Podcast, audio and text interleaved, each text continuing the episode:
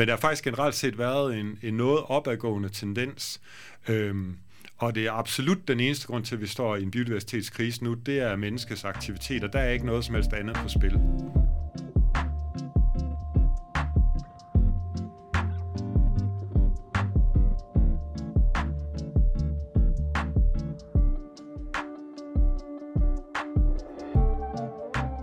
Hej og velkommen til Videnskabskanonen, din videnskabspodcast. Jeg er Kasper, og der skal vi tale om biodiversitet og den 6. masseuddøende. Biodiversitet er et ord, mange er bekendt med, men få egentlig ved, hvad det betyder. Det kommer ofte op i nyhederne i form af tabte arter i et område, eller noget af den stil. Uanset hvilken holdning man har til det, er sådan rigtig mange arter på verdensplan på tilbagetog – vi er på vej mod en biodiversitetskrise, hvor eksperterne forudser den næste masseuddøende i en nærmere fremtid. Så hvad er biodiversitet, og hvad skal vi gøre for at undgå den her, den her katastrofe? For at gøre os klogere på det her emne har jeg inviteret Ph.D., professor og direktør på Centeret for Biodiversitet, Jens Christian Svendingsen, ind i studiet for at gøre os klogere på det her emne. Jens, velkommen til dig. Mange tak. Lidt, du er jo lidt det, mange vil kalde en, øh, en rockstjerne inden for, inden for biologien. Du har modtaget dronningens videnskabspris. Du har været månedens forsker inden for Carlsbergfonden. Du har publiceret over 400 reviewed artikler. Kan du sige lidt om dig selv, øh, og hvad det er, du laver til hverdag? Jamen det kan jeg da godt. Altså jeg er jo professor i biodiversitet ved Institut for Biologi ved Aarhus Universitet. Øhm, og der forsker jeg i på den ene side at prøve at forstå sådan grundlæggende spørgsmål omkring, hvorfor er der meget biodiversitet nogle steder, hvorfor er der lidt biodiversitet andre steder, hvad betyder klimaet for biodiversiteten naturligt, kan man sige. Og så samtidig så forsker jeg i det, du kalder biodiversitetskrisen, og også den koblede udfordring, vi har med de menneskeskabte klimaændringer, hvad de betyder for biodiversiteten, og hvordan, ja, hvordan de to ting spiller sammen, og faktisk også, hvad det kommer til at betyde for samfundet. Og det er sådan dels... Øh, hvad kan man sige, arbejde med store datamængder på computeren, men det er også via øh, feltstudier rundt omkring i verden, som især mange af de unge forskere, der arbejder for mig, så har, har hvad hedder det, muligheden for at arbejde med rundt omkring i Afrika, Sydamerika osv. Ja, så du også du både i laboratoriet og i felten også laver de hårde, eller arbejder med de hårde tal? Ja, rigtig meget. Det mindste, vi gør, det er faktisk decideret laboratoriearbejde. Det er mere feltarbejde og, og så på computeren, men vi har også lidt laboratoriearbejde i vores, ja. i vores arbejde. For det der, hvor de rigtige øh, opdagelser bliver gjort? Jamen, de rigtige opdagelser, de bliver gjort på alle måderne, vil jeg sige. Det er ikke sådan, at der er en måde, hvor man lærer mere på end andre, men det, det er stærkt at supplere, supplere måderne. Det er det i hvert fald. Og jeg ved det faktisk til at starte med, øh, inden du startede på universitetet, gerne vil øh, studere øh, paleontologi. Jeg håber, jeg, øh, jeg håber, jeg udtaler det rigtigt. Øh, som er ligesom er studiet omkring øh, historien på jorden, hvor man ofte arbejder med døde ting. Hvordan kan det være, at man går fra at arbejde med øh, fossiler jorden til lige pludselig at arbejde med levende organismer? Ja, altså for mit vedkommende, så er det jo et skifte, som skete øh, i interesse, lidt kan man sige, eller i vægten på min interesse, da jeg var teenager, så det var jo før jeg ligesom blev professionel, kan man sige, men jeg har altid, så langt jeg kan huske tilbage, har jeg altid været interesseret i både de levende organismer, der er nu, og i livets historie, fossilerne og alt det der. Og det har jeg sådan set bibevaret, det har jeg, den interesse har jeg stadigvæk. Jeg blander også stadigvæk tingene i min forskning, men på et tidspunkt, der gik det op for mig, at hvis jeg skulle være, hvis jeg skulle være fuldblåen paleontolog, så arbejder man jo kun med døde ting, og det er jo det levende liv, der fascinerer mig, så derfor så, så bliver jeg biolog, så jeg kan arbejde med de levende organismer, men jeg er stadigvæk meget interesseret i at inddrage det historiske perspektiv i min forskning. Ja, jeg kan i hvert fald forestille mig, at biodiversiteten har meget at sige i forhold til historien og sådan noget. Jeg tror i hvert fald, man kan trække et langt, øh, altså en stort historie i hvert fald, når det kommer til alt det. Men kan du til at starte med sådan øh, lidt definere måske, hvad biodiversitet egentlig er, og hvordan det er, hvad, hvad, hvad er det egentlig defineret? Jamen, det er jo et rigtig godt spørgsmål. Altså, normalt så arbejder man med ligesom tre niveauer for biodiversitet. Biodiversitet, det betyder bare variationen i liv på jorden. Eller variation i levende liv i det hele taget, men vi har jo kun indtil videre fundet noget på jorden. Øhm, og der kan man kigge på det på forskellige måder. Man kan kigge på det sådan, at at man øh, kigger på variationen mellem økosystemer, så forskel på sådan et overordnet niveau, så kan man kigge på forskel mellem arterne, at vi har mange forskellige arter på jorden. Og så kan man kigge på det genetiske variation, der er inden for arterne. Der kunne også være andre variationer inden for arterne. Så man ligesom kigger på de tre niveauer, økosystemniveau, artsniveau og egentlig individniveau inden for arterne. Altså det er en måde at kigge på det på.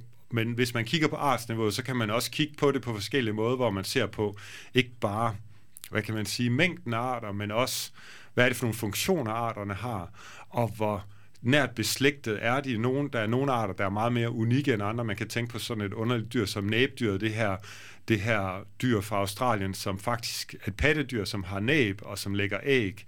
Og det er meget fjernt beslægtet med, med, med andre nulevende pattedyr. Øh, og der kan man sige, på den måde, så er det også, så er det ikke bare, det er ikke bare en art på linje med endnu en rotte, eller endnu en mus, eller sådan noget. Det er et meget speciel, en meget speciel art, så det kan man også tage hensyn til.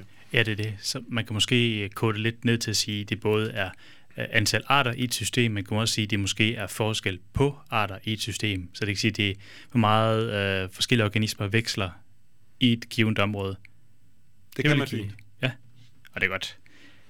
Og i forhold til, øh, til det her, så tror jeg i hvert fald, at ude i verden, der er sådan okay mange dyrearter, der er sådan, der, der er sådan okay presset nu her.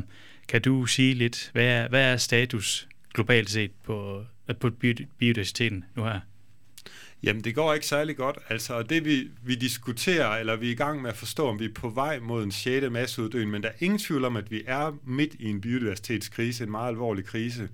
Hvis vi kigger på det på global plan, så er det inden for de artsgrupper, vi har overblik over, så er det godt og vel 25 procent af arterne, som er truet med udryddelse her og nu. Og hvis vi kigger på, der er nogle grupper, det står meget værre til med sådan noget som padder, så er det over 40 procent. Øh, så er det noget som det, man kalder de nøgenfrøde. Det er en plantegruppe, som indbefatter alle nåletræerne øh, og nogle nærtliggende plantegrupper. Og der er det også over 40 procent af arterne, der er truet med udryddelse. Øh, så for fuglen er det kun, er det kun 13 procent, man kan sige. For pattedyr, der ligger det øh, der omkring 26 procent. Øh, så det er meget alvorligt. Øh, og det er jo en tendens, det er jo ikke bare, og det er jo ikke bare et, et statisk tendens. Vi kan jo se, altså det, at status for rigtig mange arterne, den er, den er stærkt for nedadgående. Selv arter, man tænker, at dem vil vi i hvert fald passe på. Løver, de store menneskeaber, øh, giraffen og så videre, de har udsat for massiv tilbagegang over de sidste få årtier, så det, det er slet ikke sådan, at vi er ved at bremse op på den her udvikling. Tværtimod. Ja, den er ved at accelerere. Jamen, det er den sandsynligvis. Det går i hvert fald hurtigt. Ja, ja. Hvordan er det egentlig i forhold til øh, marineliv? Øh, de, nu selvfølgelig fisk, det er en kæmpe stor gruppe, men øh, hvordan står det grelt til i forhold til øh, vores kære farvand? Jamen, i vores lokale danske farvand står det rigtig dårligt til. Der, der er, der er livet i, under havoverfladen ekstremt presset øh, på grund af øh, forurening med næringsstoffer, især fra landbruget, og, og på den anden side fra alt det her tråling, især bundtråling, der foregår, og overfiskeri i det hele taget, som over årtier har presset livet under havet mere og mere og mere, så det står rigtig gralt til under havoverfladen. Hvad er bundtråling? Jamen, det er jo egentlig, at man, man river sådan, der er sådan et net, der kobler op til egentlig en kæmpe stor rive, som man så river hen over hav, havbunden, som simpelthen pløjer havbunden op for at få fat i al, al, alle de fisk og andre ting, der er på bunden, og det er selvfølgelig ekstremt ødelæggende. Øhm, og det er, det er et kæmpe problem, at man øh, i stor stil stadigvæk bruger det rundt omkring i havene. Ja, det er det. Så det er måske ja, den her lidt aggressiv form for måde at, at fiske på, hvor nogen de måske ikke ved, at den faktisk ja, river havbunden op hvor de fleste mennesker, eller fleste, øh, eller hvor der er nogen individer i hvert fald, der lever udelukkende, er dybt afhængige af det. Og det leder faktisk op til, leder op til en ting nu her. Øh, nu siger du, at det var ikke skide godt, og øh, danske havvand var det super presset. Hvad er ligesom årsagen til det her? Nu, nu er du selv mennesker. De er vel selv en ret stor player i det her, den her status. Vi er den eneste grund til, at der er en biodiversitetskrise. Altså det, over historiens løb, så har der selvfølgelig været forskellige naturkatastrofer, der påvirket biodiversiteten rigtig meget. Øhm, og, og, og niveauet for, for, for biodiversitet har, har ændret sig over tid. Men der har faktisk generelt set været en, en noget opadgående tendens. Øhm, og det er absolut den eneste grund til, at vi står i en biodiversitetskrise nu, det er menneskets aktiviteter. Der er ikke noget som helst andet på spil. Og det er vel også noget at gøre med vores, altså det er ikke, det er ikke noget som at gøre med vores, måske vores eksistens, men også at gøre med vores, vores handlinger. Jeg tænker, at den grad af klima, øh, vores klimaforandringer. Ja, altså faktisk så er det sådan, at, at, at, at så dårligt, som det står til med biodiversiteten her nu, det har ikke særlig meget med menneskekabte klimaændringer at gøre.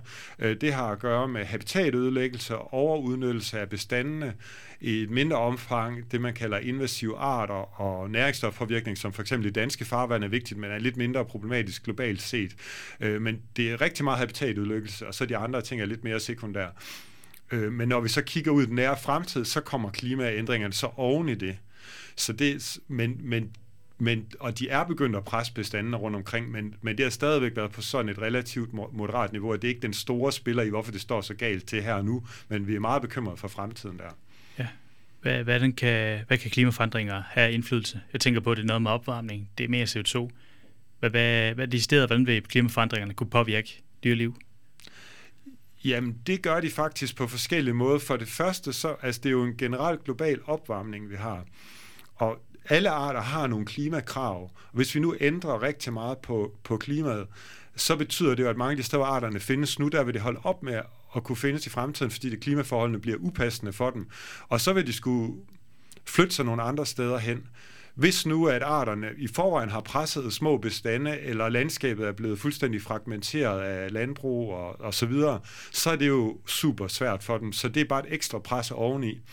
Derudover så er vi jo så er vi noget bekymrede for, at opvarmningen, især i de tropiske områder, bliver så varmt, at det faktisk fysiologisk for, de, for, for at det bare bliver svært at leve for nogen som helst arter der. Øhm, så, så det er også en problematik, der kommer oven i det. Og det er sådan de direkte effekter på arterne, men så er der så det, at klimaændringerne, de kan også presse økosystemerne så meget, at man kan sige, at de nøglearter, der udgør kernen i økosystemerne, at de går så meget tilbage, at økosystemerne et eller andet sted kollapser. Og det vil selvfølgelig påvirke alle de andre arter.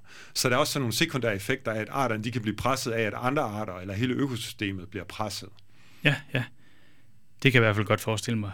Og der er også det med, at vi bliver flere og flere mennesker på kloden, vi skal have mere mad, og det kræver, øh, i hvert fald til at starte med, kræver det en masse marker, men nogen siger også, at det kræver flere marker. Jeg tænker, at den grad også den her monokultur, vi har i vores øh, landbrug lige nu. Mono betyder, at vi, altså hvis vi har et kæmpe stort område, hvis vi har 10 hektar, der går vi kun én plantart. Det kan være hvede for eksempel. Men så er der ikke plads til så meget andet. Nej, det er vel også en stor player, tænker jeg.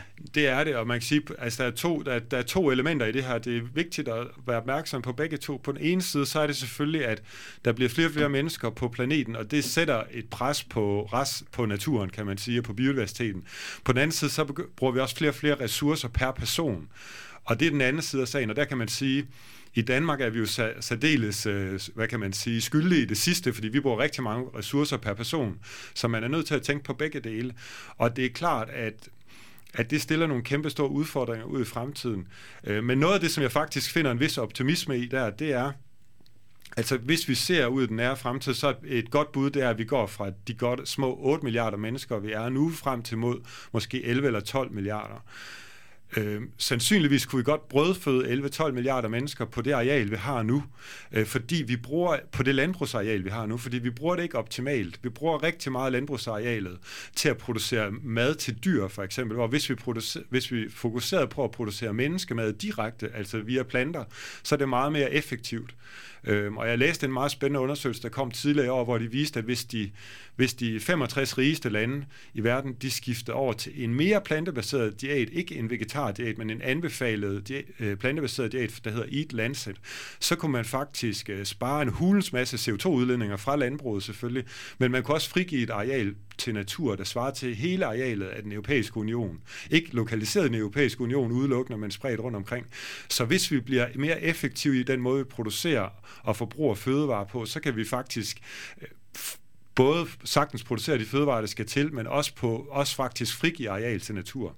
Det giver rigtig god mening. Det med, at det måske kræver 100 kilo foder for at producere 1 kilo kød, det giver rigtig god mening. Øh, især det med, at jeg tror, vi er lidt tilpasset her i Vesten til at tænke, altså hvis der ikke er noget kød til et måltid, så er det ikke, så er det ikke rigtigt et måltid. Det tror jeg, det er meget en luksustanke. Her sådan for, tror jeg, for 100 år siden. Hvis der var et stykke kød, så var det et tegn på luksus. På samme måde som hvis der er en isdessert i dag. Det synes jeg, det er faktisk meget spændende at tænke over. Også, øh, og vi vender tilbage til det her lidt senere. Har du et estimat for, hvor cirka hvor mange arter, der er forsvundet i løbet af de sidste 200 år, af både øh, planter og øh, dyrearter? Altså, jeg kan, jeg kan lige umiddelbart give dig tallet for de sidste 500 år. Øh, og man, det skal sige, at, siges, at det, er et, øh, det er helt sikkert et meget stærkt underestimat. Øhm, men man regner med noget i stil med, øh, nu skal jeg lige tænke mig om, jeg tror, det er, det er, det er omkring 80 pattedyrsarter, og det er omkring 160 øh, fuglearter, noget af den størrelsesorden. Øh, men det er jo, hvad hedder det, det er jo de sidste 500 år, man har gjort det op, men det er, det er primært i, inden for de sidste par hundrede år, de så er forsvundet. Men det, det er jo selvfølgelig store underestimater, fordi at vi ikke har perfekt viden om, hvilke arter der overhovedet var der. Og, og de her grupper, jeg nævner nu, det er dem, vi har bedst overblik over. Så er der masser af andre grupper, hvor vi har meget dårlig overblik over det. Vi, mm. vi ved, at der er masser af områder, hvor at de naturlige habitater er fuldstændig ødelagt, som sikkert har haft masser af arter, som vi bare aldrig har fået beskrevet, så det er et stort underestimat. Vi ved også, at der er mange arter, der blev udryddet af mennesker før 500 år siden. For eksempel så regner man med, at ved menneskets kolonisering af Stillehavsøerne, det man kalder Polynesien og, og, ah. og de øgrupper der, ja. at godt og vel 1000 fuglearter er blevet udryddet. Så det er jo et meget større tal. Så hvis vi kigger lidt dybere ind i historien, så ser vi meget stor udryddelse, øh, for eksempel på øer rundt omkring. Det kan jeg forestille mig. Og i hvert fald, som du selv nævnte, øh, meget af det inden for de sidste øh, 100 år. Og har du en idé om, hvor, cirka, hvor mange dyrearter, der er mistet, i hvert fald siden vi kom ind i det nye årtusind? De sidste 22 år? Jamen, det er faktisk svært at sige, fordi man, for at definere en art som uddød, så, så vil, hvis man sådan skal gøre det officielt, så vil man være helt sikker på, at den er uddød. Og så er der faktisk sådan en tids, øh, så er der sådan en tids, øh, hvad hedder det, forsinkelse i det, fordi at mange af de der arter, som er, er sjældne, de findes jo steder, hvor det er svært at, hvor det er svært at vide, altså hvor de, som er dårligt udforsket, så det kan være svært at have, og, og måske ufremkommeligt, så det kan være svært helt at vide, så det er lidt svært at sige. Øhm, men en af de arter, som, som kommer op på lystavlen for mig, når vi snakker om det, det er det, man kalder det nordlige hvide næshorn, hvor det, hvor der nu kun findes et, nogle enkelte individer af det ene køn tilbage, så den er jo sådan set ikke helt uddød, men den er jo sådan, den er ikke levedygtig bestand mere. Sådan funktionelt, uh, funktionelt uddød. Ja, lige præcis. Også det med, at der er også sådan her, den kendte dodofugl, en fugl, som mange ofte laver parodi af, fordi den er bare et lidt sjovt design. Den har ikke nogen knæ, lægger et æg en gang om året, Uh, nogle kalder det en evolutionær taber, og den har været erklæret uddød flere forskellige gange, men man finder altid en af dem et eller andet weird sted, Madagaskar eller whatever. Ja. Så det er meget, det er meget bredt. Jeg bliver, nødt, jeg bliver nødt til at korrigere dig. Den er meget uddød. Man ved præcis, hvor den fandtes, så det, jeg tror, du kommer til at tænke sammen med nogle andre arter. Den er fuldstændig uddød. Den har været uddød et par hundrede år. Den blev meget hurtigt udryddet, efter man opdagede den ø, den fandtes på. Men der har været mange sådan nogle flyveløse fugle rundt omkring på øer, også, også store øer, som er blevet som er blevet udryddet i, tid, i tidens løb, og nogle enkelte af dem har man faktisk genopdaget levende liv. De fleste af dem er helt 100% sikkert uddøde, men, ja. men for eksempel på New Zealand var der en, eller er der en meget stor rikse, som en, en sådan lidt ala en øh, blishøne, men en mm. landlevende en, som ikke kunne flyve, og som man troede var udryddet. Og så i midten af det 20. århundrede, så fandt man en lille bitte bestand ude i, i de meget ufremkommelige bjerge i New Zealand. Så det var sådan en af de gode historier. Men de fleste af de her flyveløsfugle, de er 100% udryddet for lang tid siden. Okay, ja. Jeg tror også uh, tegn på, at jeg tog fejl også det med, at der ikke er nok viden omkring det. Også sige, det, det, det er noget af det, jeg tror, der i hvert fald skal til. Uh, ved du også, hvordan det ser ud til i forhold til Danmark? Uh, hvad er vores status i vores lille land? Jamen, status i Danmark er cirka ligesom det globale gennemsnit. Ja. Da den danske rødliste siger omkring 25 procent af arterne er troet med udryddelse. Øh, hvis man kigger på sådan noget som padder, så er det over 70 procent af arterne, som er troet af udryddelse. Og hvis man kigger på sådan noget som sommerfuglene, så er det så er det over 45 procent af arterne, som er enten troet med udryddelse eller allerede nylig uddøde. Øh, så det slår, det slår ikke særlig godt til med den, plante, den danske biodiversitet. Og det er heller ikke så underligt, hvis man kigger ud i det danske landskab, fordi der er meget lidt, hvis man kigger på det danske landskab, når man ude kører en tur med biodiversitetsbriller, så er det mest af det har jo meget lidt værdi som levesteder for, for, for arter. Alle mulige kornmarker og majsmarker og, og den slags, det har virkelig meget lille værdi for biodiversiteten. Det er det. Altså jeg tror, altså når folk tænker på sådan på fede biodiversitet steder, tænker folk meget på Mols Bjerge for eksempel, som er et pragt eksempel i den danske natur. Men det folk nok ikke tager betragtning af, det er, at det plejer faktisk at være over det hele, det område der. Så det synes jeg faktisk, det er værd at sætte i øh, perspektiv. Der vil huske, der er blandt hvis jeg mindre jeg tager fejl, der er en bestemt sommerfugl, der lever derude, og den lever kun på toppen af en bakke deroppe, eller det er der, hvor dens næringskilde er, tror jeg det var. Og det er noget med, at man siger, man, øh, man må helst ikke gå derop, man må helst ikke forstyrre noget som helst, fordi hvis det lille bakke der, og deres næringskilder forsvinder, jamen så har de ikke, jeg tror det eneste sted næsten, den boede i Danmark, så er de væk. Så det er simpelthen væk i Danmark. Jamen, det er, det er en stor problemstilling i ja, både i verden, men også i Danmark, at mange arterne er presset tilbage til meget små bestande.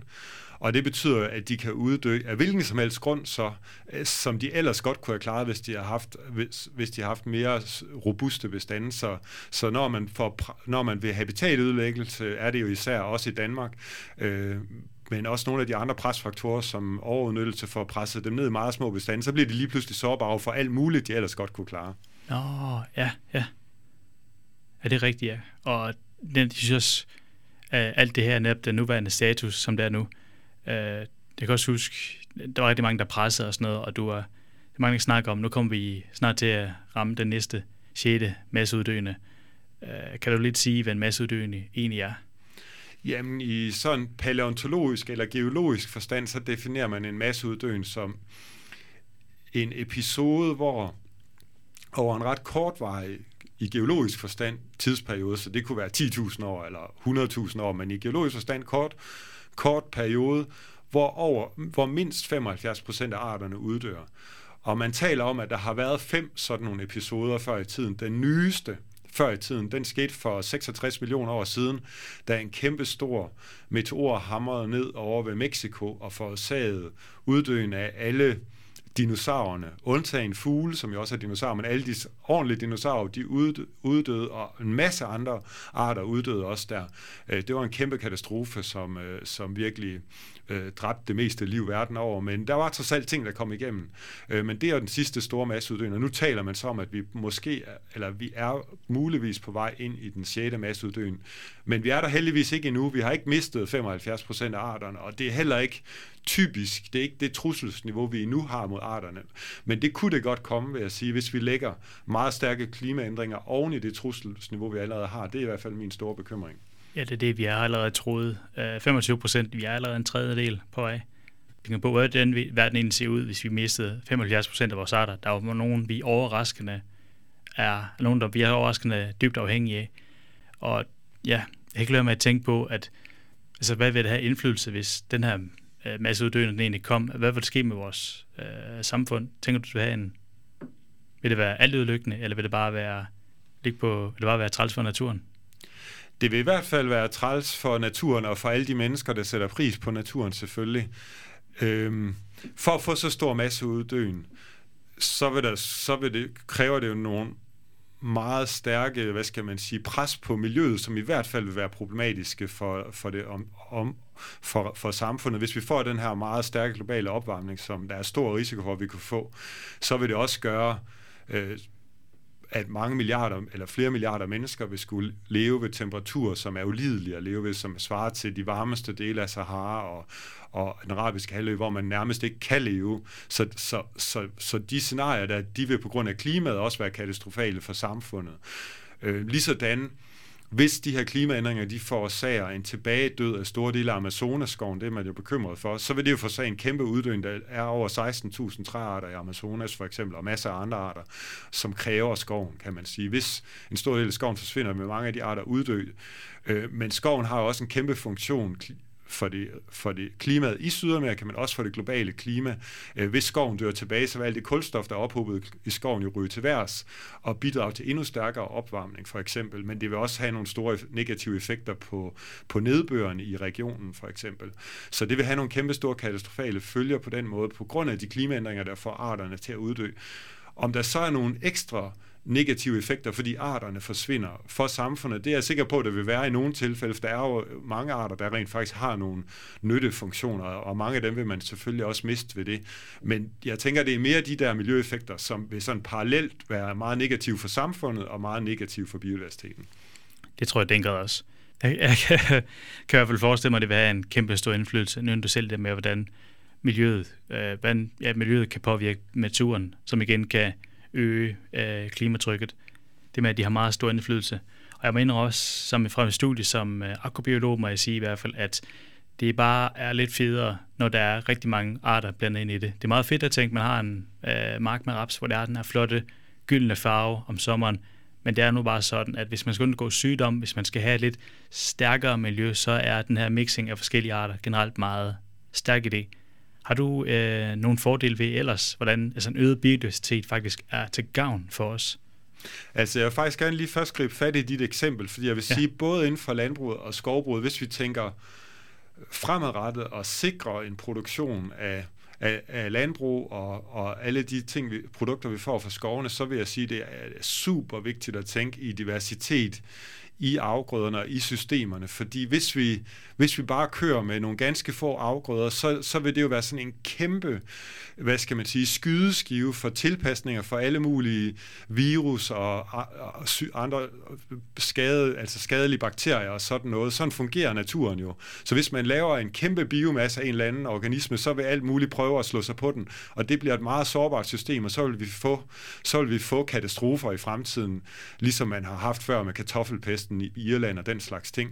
Så der vil jeg sige, det er meget bedre at tænke i, i diversitet, og, vi skal, og, vi, og der er det vigtigt, man kan sige, det er vigtigt som samfund at tænke på, fordi ofte så vil det jo sådan økonomisk kunne betale sig på den korte sigt og specialisere sig helt vildt, og det kan føre til, at man fravælger genotyper inden for arterne, og fravælger afgrøder og så videre, som ikke lige er de højest produktive, men der vil jeg sige, det er vigtigt hvis vi tænker med det lange perspektiv, og bevarer en stor diversitet i de her, i de her forskellige, hvad skal man sige, organismer, som er vigtige for vores landbrugsproduktion, for vores, for vores træproduktion osv. Så, videre. så det, det er ekstremt vigtigt at tænke, ellers så mister vi robusthed i systemet.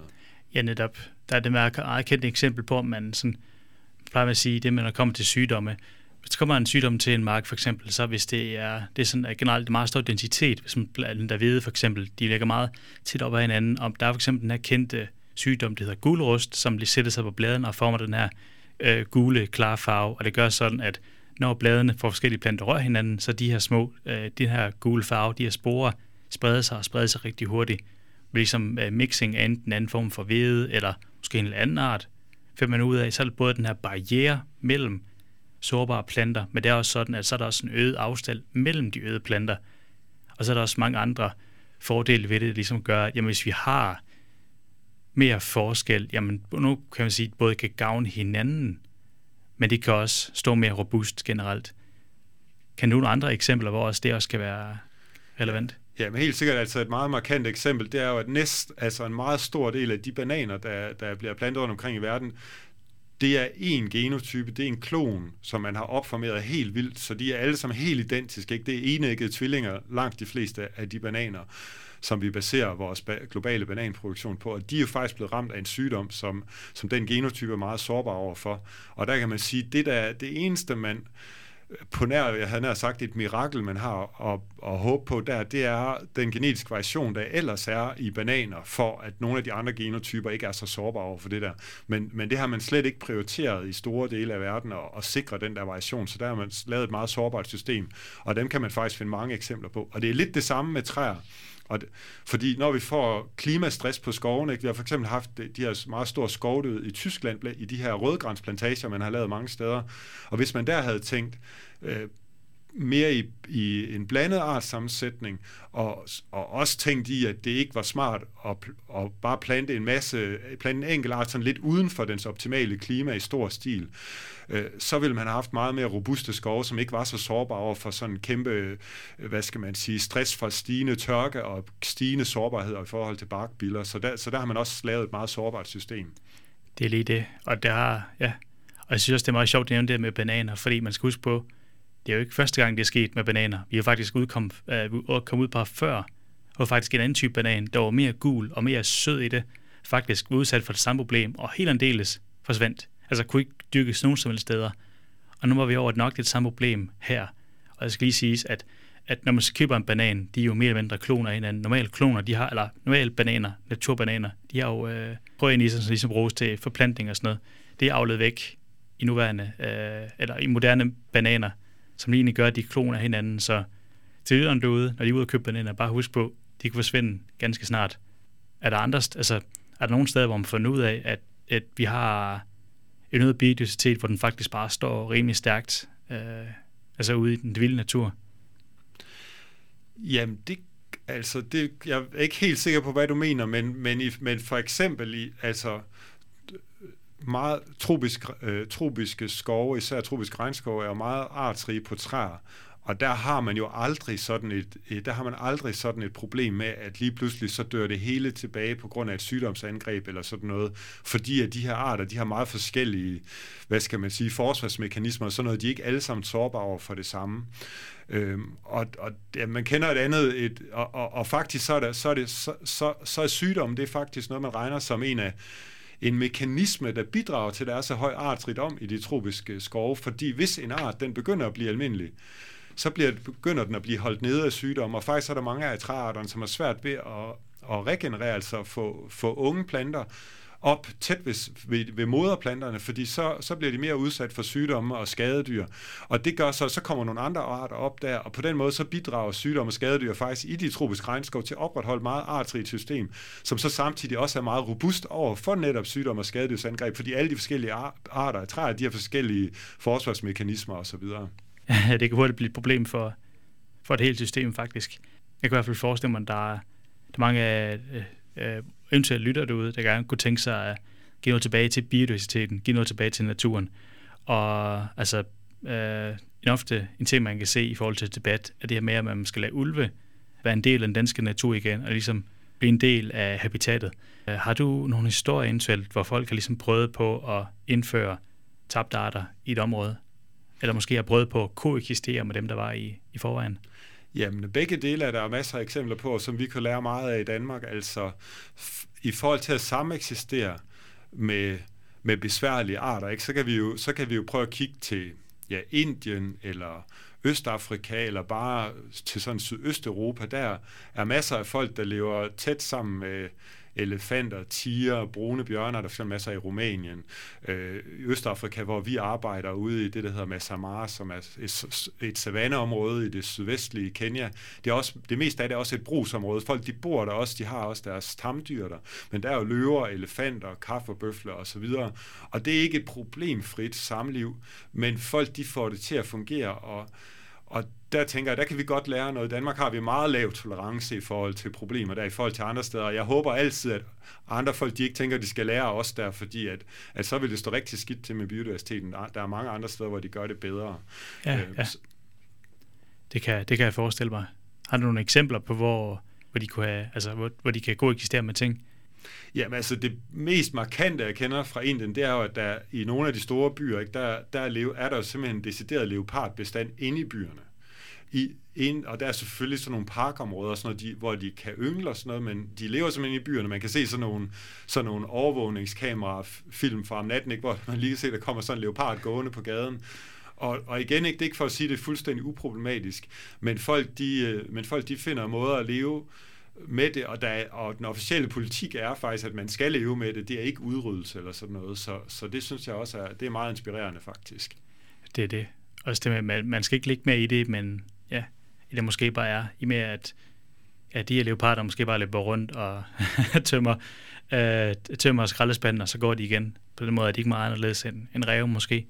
Nej, faktisk så er det sådan, at i de der indiske byer, så er der mange steder, hvor der er en pro- et problem med, med gadehunde, at der er mange gadehunde, og de kan have rabies og så videre, og det ah. er sådan set noget, folk er bekymret over for, og leoparder, de elsker at spise hunde, så de bidrager faktisk til at holde den der hundebestand lidt i skak, og det er, sådan, det er man sådan set meget tilfreds med. Ej, det er da, det er da godt. Det er da godt. Kan man sige, der ej, det er faktisk sjovt at tænke på, at der findes sådan noget. Der er også, ja, der er også det med, at du nævnte i en artikel på et tidspunkt, det med, at vi skal bruge af store arealer, vi skal bruge øh, store dyr til ligesom at hjælpe biodiversiteten i den øh, rigtige retning. Nemt blandt andet, at i Danmark, der skulle vi have sådan noget som uh, bisoner og, vilde heste og vildsvin. Uh, kan du uh, sige, hvorfor der er de her pattedyr kan være en fordel? Jamen, det vil jeg gerne. Altså, det, som, det som, der, som der er meget bred enighed om, som er, er, er nødvendigt for at vende udviklingen for den negative udvikling for biodiversiteten i Danmark, hvor vi har et fortsat tab, og at det generelt set går rigtig dårligt, øh, det er, at vi har brug for meget større arealer, som dur til noget for biodiversiteten. Så på den ene side, så skal der plads, på den anden side, så skal det være plads, der rent faktisk har positiv funktion for biodiversiteten.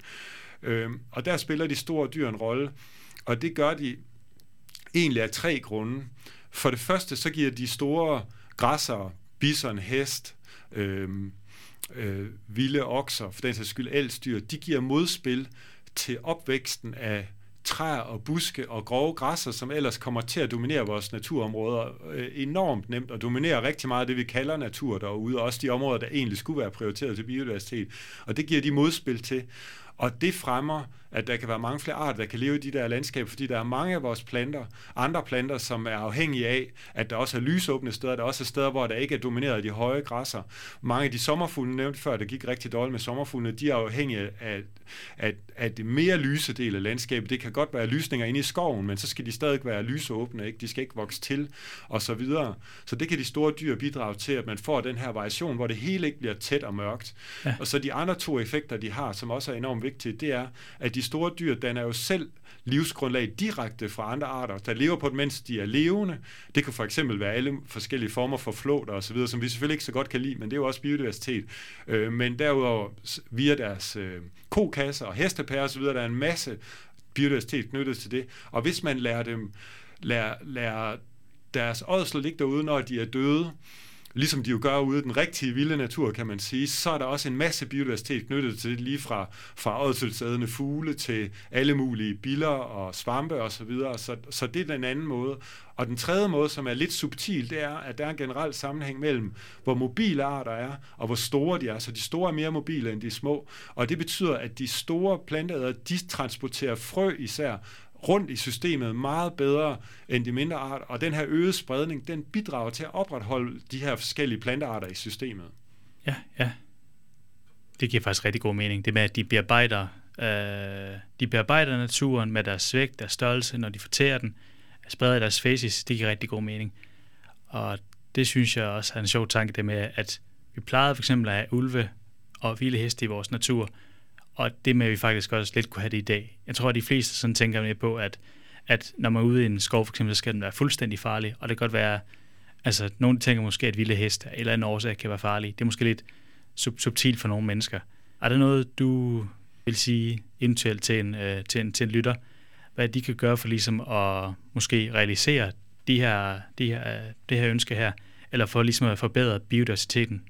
Jamen, man, altså, man kan gøre forskellige ting. Altså, for det første, så lever vi jo i demokrati, så man kan gøre sin indflydelse gældende ved at sætte sig ind i, hvilke politikere arbejder på, ja, både på kommunal plan og landsplan, for at fremme bedre forhold for biodiversiteten. Og så kan man jo stemme efter det, hvis man synes, det er vigtigt. Det er jo den vigtige måde at gøre sin indflydelse gældende på i Danmark.